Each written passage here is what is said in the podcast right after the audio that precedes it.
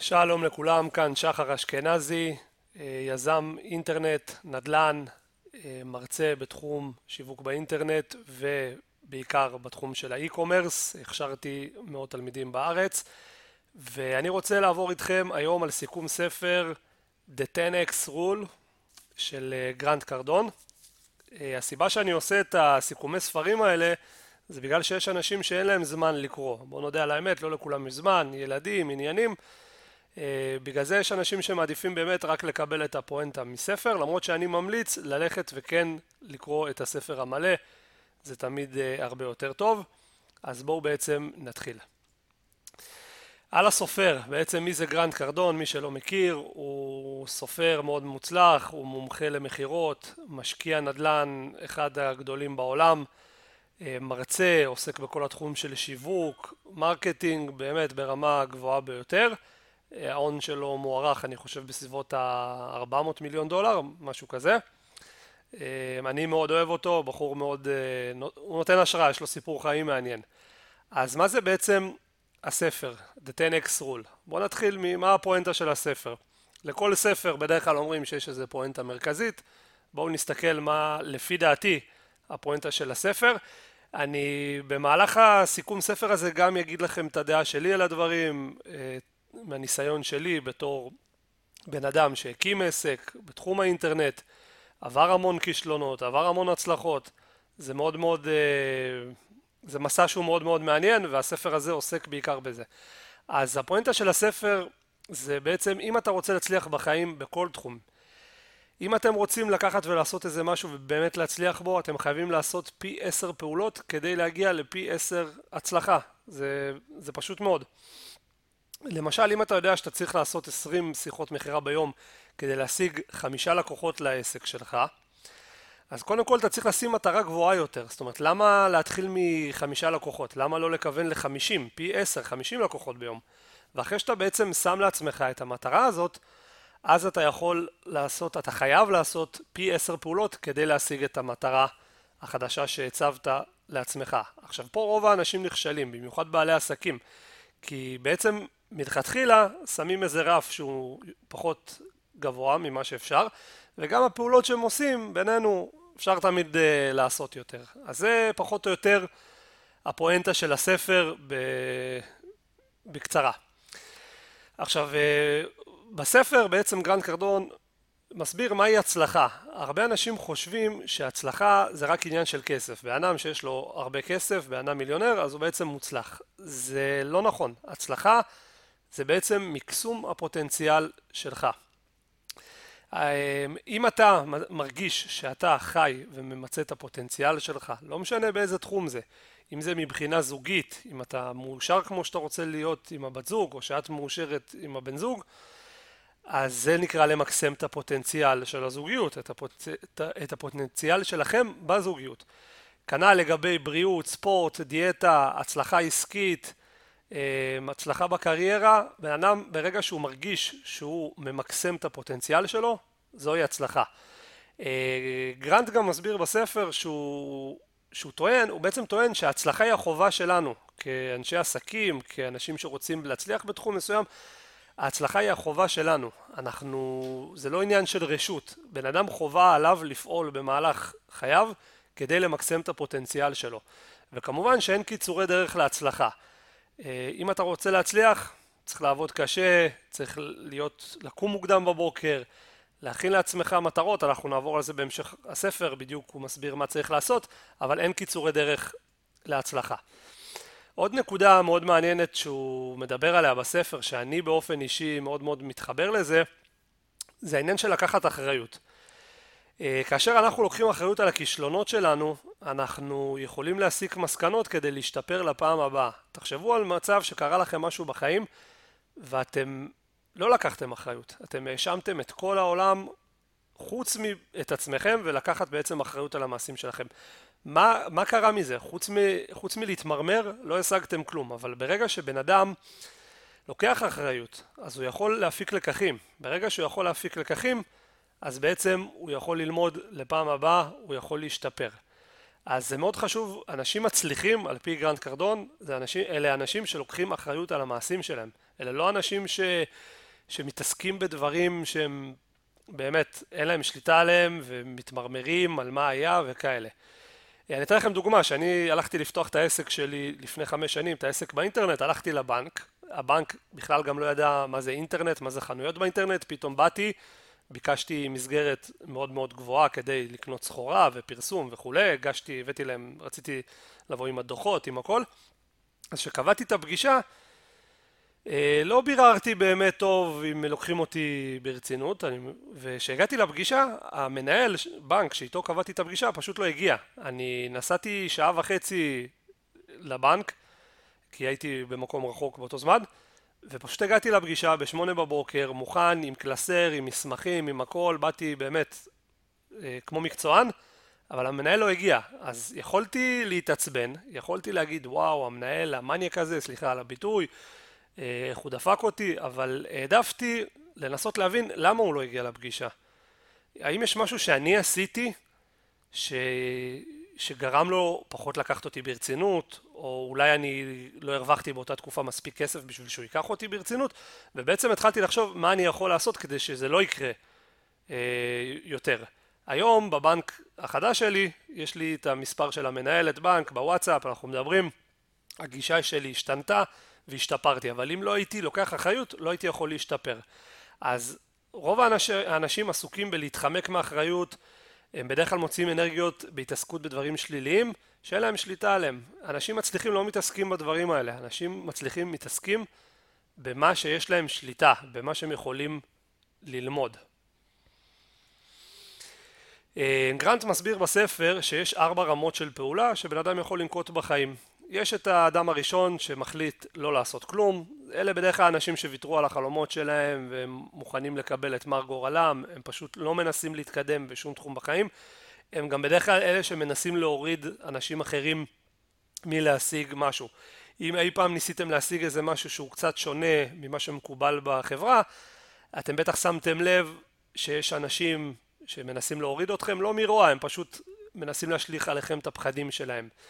אה, הסוג השני זה, זה אנשים שהם כל הזמן במצב של לסגת, הם כל הזמן מתחילים משהו אה, ואיך שיש את הכישלון הראשון או אפילו רק סימן ראשון של קושי הם נסוגים ואומרים אוקיי אני, אני את שלי עשיתי, אני, אני את שלי עשיתי, לא הצליח לי. בדרך כלל עושים את זה כדי למנוע את תחושת הכישלון. ברגע שבן אדם, אה, הרבה פעמים שבן אדם מוותר הוא מרגיש טוב כי הוא, הוא חושב בראש שהוא היה נכשל אז המוח שלו אוטומטית מרגיש טוב הוא אומר אוקיי מנעתי מעצמי כישלון. זה אלה האנשים בסוג השני. בסוג השלישי זה אנשים שפועלים בצורה רגילה. זה רוב מעמד הביניים זה רוב האנשים הרגילים פועלים במצב רגיל. צריכים לעשות x כדי להשיג משהו הם יעשו x. זהו הם לא ינסו לעשות את האקסטרה כדי להגיע ל-10x בעצם, לרמות הגבוהות יותר. הסוג הרביעי זה אנשים שלוקחים פעולה מסיבית, זה אנשים שפועלים תמיד ב... במצב של 10x, כל דבר הם עושים פי 10, אם צריך לעשות x הם יעשו 10x, הם יעשו הרבה יותר, הם יקומו מוקדם בבוקר כדי להשיג מטרות, אין להם תירוצים של זמן, אם, הוא, אם הבן אדם מתחיל לעבוד בשמונה בבוקר והוא רוצה ללמוד תחום חדש, למשל איך לעשות כסף באינטרנט, יש לי תלמידים שהיו קמים בשש בבוקר או בחמש בבוקר, יושבים שעה שעתיים לפני העבודה, מתארגנים, יוצאים לעבודה. זה 10x, זה אנשים שפועלים בצורה אה, מסיבית. אה, ממוצע זה מתכון לכישלון, אם אתה מכוון לממוצע, רוב הסיכויים שאתה תיכשל. קחו למשל עסק שאומר וואלה אני טוב לי, אני מרוויח איקס בחודש, לא מנסה להתרחב, זה סבבה לי. מה קורה בינתיים? המתחרים שלו כן פועלים ברמות של 10x, הם כן מנסים להתרחב ונכנסים ל- לאזורים חדשים ולשווקים חדשים, אז בעצם הם לוקחים לו אה, ביסים מהביזנס, הם לוקחים לו ביסים ממאגר הלקוחות, ובסופו של דבר העסק הזה לא יישאר פה. זה קרה לברנדים גדולים אה, שלא הצליחו לפעול ברמות הגבוהות אפילו שהם כבר היו שם הם לא הצליחו להשתנות אה, גם בני זוג אם יש לך עכשיו זוגיות או לך יש זוגיות עם בעלך ואתם שואפים לזוגיות רגילה ובינונית הקשר ילך ויידח כדי שהקשר יהיה מדהים צריך לשאוף לקשר מדהים.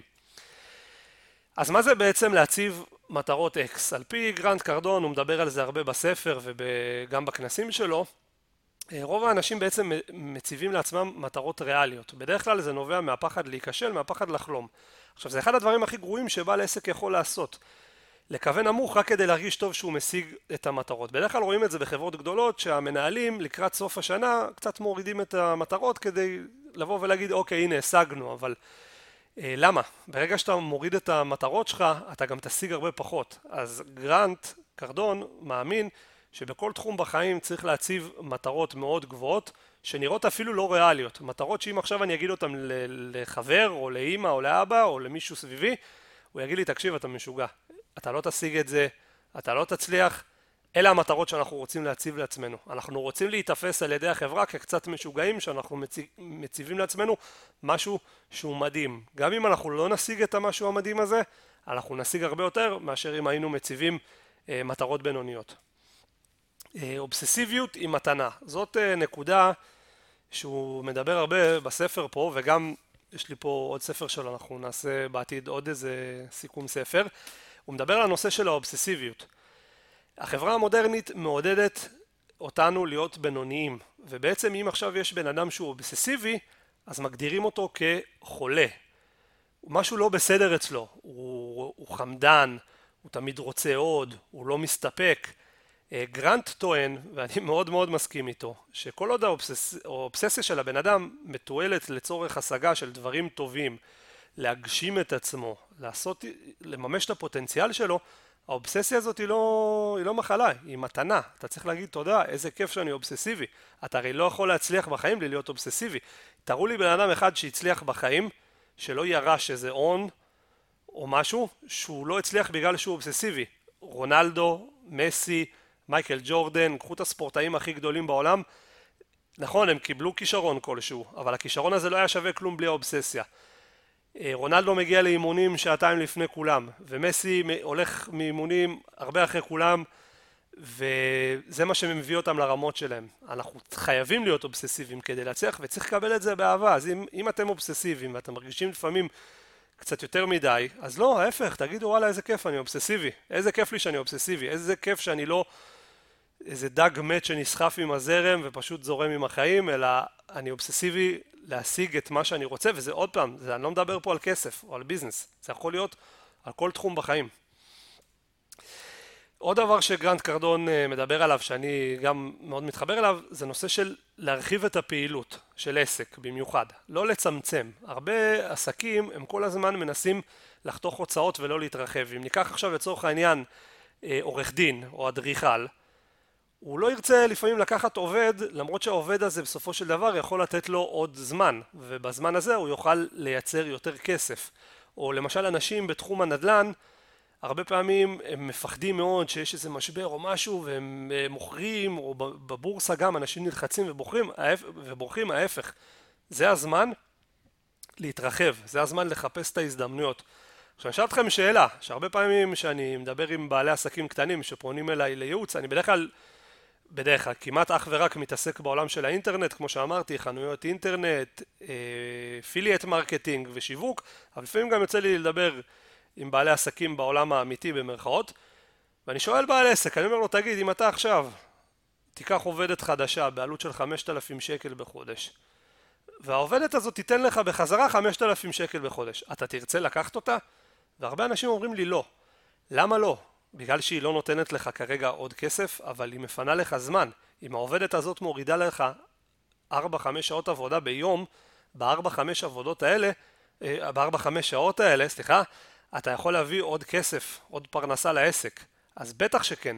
אנחנו רוצים כמה שיותר להתרחב, כמה שיותר עובדים, כמובן, לוודא שאנחנו מביאים את העובדים הנכונים ובצורה הנכונה. זאת נקודה מאוד מאוד מאוד חשובה, עניין של פחד. הרבה פעמים אנשים ברגע שהם מתחילים איזה משהו חדש הם מפחדים וזה משתק אותם, זה איזה משהו שיש לנו במוח אה, שברגע שאנחנו מרגישים פחד אנחנו רוצים לברוח, זה הדרך של המוח להגן עלינו. אה, גרנט מאמין וגם אני שברגע שאתה מפחד זה סימן שאתה בדרך הנכונה כי אם אתה לא מפחד שאתה נכנס לאיזה תהליך כלשהו סימן שאתה לא הולך להתפתח, אתה הולך להישאר באותה רמה, כנראה להרוויח את אותו כסף, או להישאר באותו מצב בקריירה שלך, אבל ברגע שאתה מפחד ואתה מרגיש שזה חשש, זה אומר שאתה הולך לגדול, כי שם נמצאת ההצלחה, מחוץ לאזור הנוחות שלנו. זה נשמע קלישאה, אבל מחוץ לאזור, לאזור הנוחות שלנו, שם נמצאים הדברים הטובים. בן אדם שיושב כל היום באזור הנוחות, לא יתפתח, לא יגדל, לא ירוויח יותר כסף, לא צריך לפחד מהכישלון. עכשיו לקחתי פה איזה 17 דברים שהוא ממליץ בסוף הספר, אבל uh, זה מתוך 32, זאת אומרת יש פה המון, uh, זה בערך כמעט רבע מהספר זה מדבר על הנושאים האלה, לקחתי את ה-17 דברים שאני הכי התחברתי, מי שיקרא את הספר ייהנה כמובן מעוד דברים. אז קודם כל גרנט מדבר על, אלה בעצם דברים שהמצליחים עושים, אלה דברים שאנשים מצליחים עושים ביום יום שלהם, אם אתם רוצים להצליח, אתם חייבים לעשות את הדברים האלה, כמה שיותר, לא את כולם, אבל ככל שתעשו יותר, סיכויי ההצלחה שלכם יעלו. אז קודם כל גישת האני יכול. להסתכל על בעיות כאתגרים, במקום לחפש תירוצים צריך למצוא פתרונות. אנשים רגילים ברגע שיש להם בעיה, הם מגדירים אותה כבעיה, הם אומרים וואו איך אני אעשה את זה, מתחילים להילחץ, ובדרך כלל בורחים מהבעיה. אנשים מצליחים מסתכלים על בעיה ואומרים הופה אתגר, במקום לחפש תירוץ, אני אמצא פתרון לבעיה, אני, אני אמצא דרך להתגבר על האתגר הזה. אה, דבר שני זה תמיד לחפש את ההזדמנות. בכל סיטואציה, גם בכישלון, יש הזדמנות להצלחה. צריך ללמוד מהכישלונות, צריך להסתכל על כל מצב, על כל חוויה שלנו בחיים, כשיעור. אה, עסק חייב לפתור בעיות. אם העסק שלכם לא פותר בעיות ללקוחות, אתם לא תרוויחו כסף, ולא לאורך זמן. ברגע שאתם תפתרו בעיות ללקוחות שלכם, אז הם יחזרו וירצו עוד ועוד. אמ, נקודה רביעית, להתמיד עד השגת המטרה. רוב האנשים מוותרים אחרי הכישלון הראשון, דיברנו על זה, אנשים מצליחים לעולם לא מרימים ידיים. אמ, ביל גייטס ישב 7-8 שנים בערך מול המחשב עד שהוא הצליח לפתח את המחשב ואת Windows בצורה שהוא הצליח. מה היה קורה אם הוא היה פורש שלוש שנים לפני זה או שנה לפני זה, העולם שלנו היה נראה, נראה אחרת. אה, גם תומאס אדיסון עד שהוא המציא את הנורה אומר עשרת אלפים אה, ניסיונות. מה היה קורה אם הוא לא היה מצליח אם הוא היה פורש אחרי הניסיון העשירי? אז uh, יש פה עוד המון סיפורים, גם סיפור של uh, סילבסטר סטלון, סיפור מעניין, מי שרוצה שיחפש באינטרנט, אנשים מצליחים לא מרימים ידיים. עד שהם לא משיגים את המטרה, הם לא מוותרים, אתם יכולים להסתכל גם על אילון מאסק, אני אולי גם אעשה עליו איזה בוק ריוויו, על הספר שלו. אה, נקודה הבאה, לא להיות הגיוני, להציב מטרות לא הגיוניות ולשאוף לגדולה, כמובן שצריך לגבות את זה גם במעשים לא הגיוניים, אם אתם רוצים להשיג, לא יודע, למשל בן אדם רוצה להיות bodybuilder, הוא רוצה, הוא לא רוצה להיות סתם שרירי, הוא רוצה להיות bodybuilder ומנופח, הוא לא יכול לעשות עשר שכיבות צמיחה ביום, הוא לא יכול להרים משקולת פעמיים בשבוע, כדי להשיג את המטרה הלא ריאלית הזאת, הוא חייב להתחיל לקחת פעולות לא ריאליות כדי להשיג את המטרה. נקסט, אה, תמיד לפעול להשגת הצלחה. אם אתה לא עסוק, סימן שאין לך סיכוי להצליח. אם אתה מוצא את עצמך יושב בשעה שתיים בצהריים מול הטלוויזיה, כנראה שאתה לא תצליח, כי אתה לא עסוק. אתה חייב כל הזמן להיות עסוק ביצירה של הצלחה.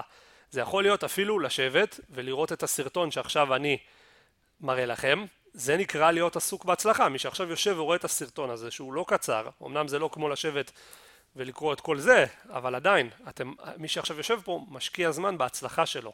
אז להיות עסוקים, אם אתם עכשיו יש לכם נסיעה של שעה באוטו, לא חייבים לשמוע רדיו, ואת כל הקשקושיאדה הזאת שיש, ואת כל השטויות שיש בארץ והדברים.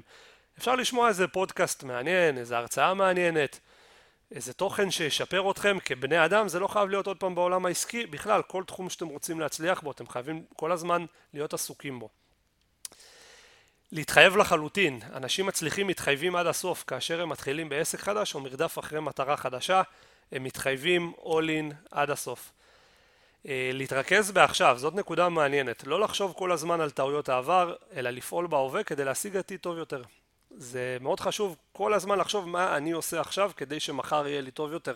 לא להיות מודאג ממחר, וגם לא להיות מודאג מהטעויות שעשיתי בעבר, אלא ללמוד מהעבר, לפעול בהווה כדי לשפר את העתיד. אה, לברך על שינוי, זאת נקודה מדהימה. כשאני קראתי את זה פעם ראשונה, אני פתאום הבנתי כמה זה נכון. אנשים רגילים מפחדים משינוי. אנחנו כבני אדם מחנכים אותנו שיהיה לנו נוח. הכל צריך, הכיסא צריך הכל צריך להיות נוח. אנחנו כל הזמן צריכים לחיות בנוחות שלנו. אבל אנשים מצליחים, תראו, תסתכלו על האנשים הכי מצליחים בעולם, הם לא אוהבים נוחות. ההפך, הם כל הזמן רוצים להרגיש לא נוח. אילון מאסק בכל החברות שהוא הקים, הוא תמיד פעל ופועל בתחום של ה... על סף אה, פשיטת רגל, על סף כישלון, וזה מה שמביא אותו למצב שעכשיו הוא משנה את העולם, הוא פשוט משנה את העולם בכל אספקט אפשרי. אה, זה מה שאנשים מצליחים עושים, הם רוצים להיות באזור שלא נוח, לא נוח להם. אה, מטרות ויעדים, להציב מטרות ארוכות טווח ויעדים בדרך להגשמת המטרות.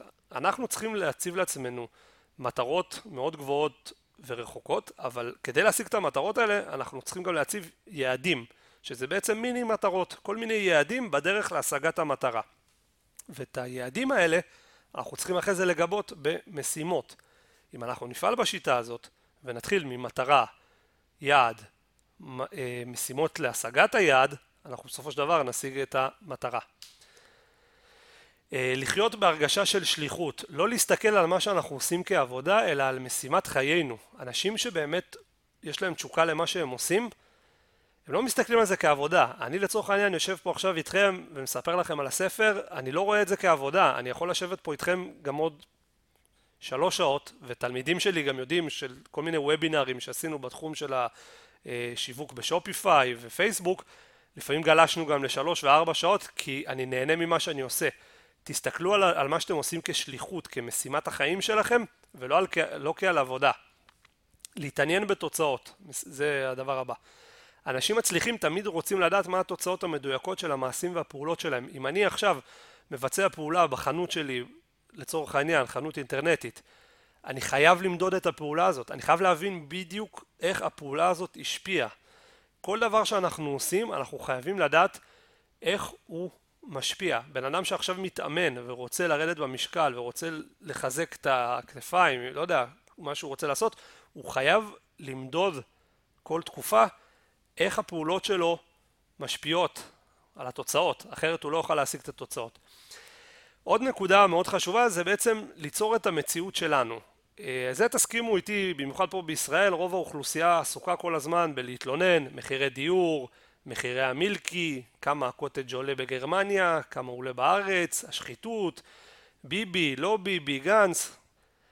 אנחנו אם אנחנו רוצים להיות אנשים מצליחים, אנחנו לא צריכים להתעסק עם הדברים האלה כל היום, כי אין לנו שליטה עליהם. אין לי שליטה על המחיר של המילקי, אתם מסכימים איתי? אין לי שליטה עליו. אין לי שליטה על המחירי דיור. אני לא שר האוצר, אני לא שר השיכון הבינוי, אני לא ראש הממשלה. למה שאני אתעסק כל היום בלהתמרמר על מה שקורה בתחום, ה... בתחום הדיור לצורך העניין, שאין לי שליטה עליו. אז אנשים מצליחים, הם עסוקים בלייצר לעצמם מציאות טובה יותר, למרות המצב. זאת אומרת, אם אני רואה שהיום מס הכנסה גבוה וכבעל עסק קשה לי, אז אני צריך למצוא פתרונות איך אני מקל על עצמי מבחינת מיסוי, איך אני מרוויח יותר כסף, לצורך העניין. זה מה שבן אדם מצליח עושה. אה, נקודה הבאה זה אה, תמיד להרגיש אי נוחות, דיברנו על זה, פשוט שם בספר הוא מחדד את זה בצורה שונה. אה, ליצור קשרים, יש משפט שאומר אם אתה האדם הכי חכם בחדר סימן שאתה בחדר הלא נכון. אני מאוד מסכים עם זה אנחנו צריכים כל הזמן לשאוף להקיף את עצמנו באנשים שטובים מאיתנו. אם אני מחר רוצה להיכנס לתחום כלשהו אני רוצה להביא אנשים שטובים ממני סביבי לא אנשים שאני יותר טוב מהם. אני לא אוכל להתפתח. אם אני רוצה מחר להתחיל להתאמן ולשפר את הכושר הגופני שלי אני לא רוצה להיות הבן אדם הכי בכושר במכון לצורך העניין, אחרת אני לא אהיה מי שידחוף אותי. אם אני רוצה להצליח בעסקים, אני לא יכול להקיף את עצמי באנשים שלא עושים עסקים, באנשים שמפחדים מלעשות עסקים, באנשים שמפחדים מלעשות משהו. אני רוצה להקיף את עצמי בווינרים. אני רוצה להקיף את עצמי באנשים שגם אם הם נכשלים, לפחות הם, הם הולכים עד הסוף. זה מאוד חשוב. ודבר אחרון, הכי חשוב מהכל, זה להיות ממושמע. אי אפשר להצליח בחיים, לא משנה באיזה תחום, בלי להיות ממושמע. אם קבעתי לעצמי מטרות כדי להשיג את היעדים, הרי דיברנו מקודם על הנושא הזה של מטרות, אה, יעדים ומשימות, אז אם קבעתי לעצמי משימות כדי להשיג את היעדים, אני חייב לבצע אותם. זה לא מעניין אותי אם עכשיו יש איזו תוכנית מעניינת בטלוויזיה שרציתי לראות, אם זה עכשיו נופל לי על הלוז, לצורך העניין שקבעתי לי, אני קבעתי שהיום בשעה 4 אני עושה את משימת X. אם אני לא אעשה את זה, אני לא אשיג את היעד. אם אני לא אשיג את היעד, אני לא אשיג את המטרה. זה הולך במיוחד בעניין של כושר גופני, הרבה פעמים אנחנו באים ואומרים, אני רוצה להיות בכושר. אוקיי, מה אמרת פה? אתה צריך לקבוע לעצמך אה, מטרות, משימות, ולפעול לפי המשימות האלה. יש עוד איזה ספר מעניין בתחום הזה של מיקרו, מיקרו החלטות, שדווקא קראתי אותו לפני שבועיים, אולי אני אעשה עליו גם איזה סרטון. אז מה עכשיו? אוקיי, שמענו את שחר, מקשקש פה במשך, לא יודע, עשר דקות, רבע שעה. מה אנחנו היום עושים? מה אתם היום עושים כדי לקחת את חוק ה-10X וליישם אותו בחיים שלכם? אתם קודם כל חייבים להיות מודעים ולהבין באיזה רמות אתם פועלים היום. אנחנו חייבים להיות אמיתיים עם עצמנו ולהגיד, וואלה, אני היום בתחום X, בתחום Y, אני לא פועל ברמות של 10X. אני לא עושה כפול 10 ממה שאני צריך לעשות. זה דבר ראשון, קודם כל להבין, להיות אמיתי עם עצמך, להבין איפה אתה. ואחרי זה להתחיל לחשוב איך אני יכול לשפר את המצב. אם אני בעל עסק היום, אה, לצורך העניין אדריכל, ואני מקבל רק שמונה בתים בשנה, אני צריך לחשוב איך אני מקבל שמונים בתים בשנה. לא איך אני מקבל, להגיד אוקיי, משמונה אני אעלה לעשר, ואז אני אעלה לשתים עשרה. אני אכוון ל-80, ואז ברגע שיש לי כבר את המטרה של ה-80, אני רוצה לעשות 80 בתים בשנה, המוח, זה מגרה את המוח לחשוב על מה אני צריך לעשות כדי להשיג 80 בתים בשנה. אני צריך להתחיל אה, לשכור משרד, לא לעבוד מהבית אולי, להביא עובדים, אני צריך לפחות פה עוד איזה שלושה ארבעה עובדים, אז אני אתחיל מלהביא עובד ראשון, קודם כל, לפני שאני אביא ארבעה עובדים. זאת אומרת, המוח מתחיל אה, לחשוב על פתרונות. אני אתחיל לשווק בפייסבוק, אני אתחיל לשווק ביוטיוב, אתחיל לעשות מאמרים, אתחיל ללכת לכנסים, ייקח קורס בשיווק. זאת אומרת, ברגע שאני נותן לעצמי מטרה, המוח ימצא פתרונות. אז uh, אתם מוזמנים לעקוב אחריי, יש לכם פה אינסטגרם, יוטיוב ופייסבוק. Uh, נשתדל להעלות תמיד תכנים מעניינים, טובים, שיעזרו גם לכם וגם לי להשתפר. אנחנו תמיד בלמידה. Uh, במיוחד תדעו בתחום של האינטרנט, אין קיצורי דרך, חברים, אם אתם רוצים לדעת משהו כמו שצריך, אתם צריכים ללמוד אותו, אתם מוזמנים גם אה, לפנות אליי דרך הדף פייסבוק או כל דרך אחרת, לשלוח לי הודעה אם יש לכם שאלות, התייעצויות על העולם של e-commerce, אה, שיווק שותפים, affiliate אה, marketing, בינלאומי, הכל, דברו איתי, בואו נעזור אחד לשני תמיד להיות טובים יותר, תודה.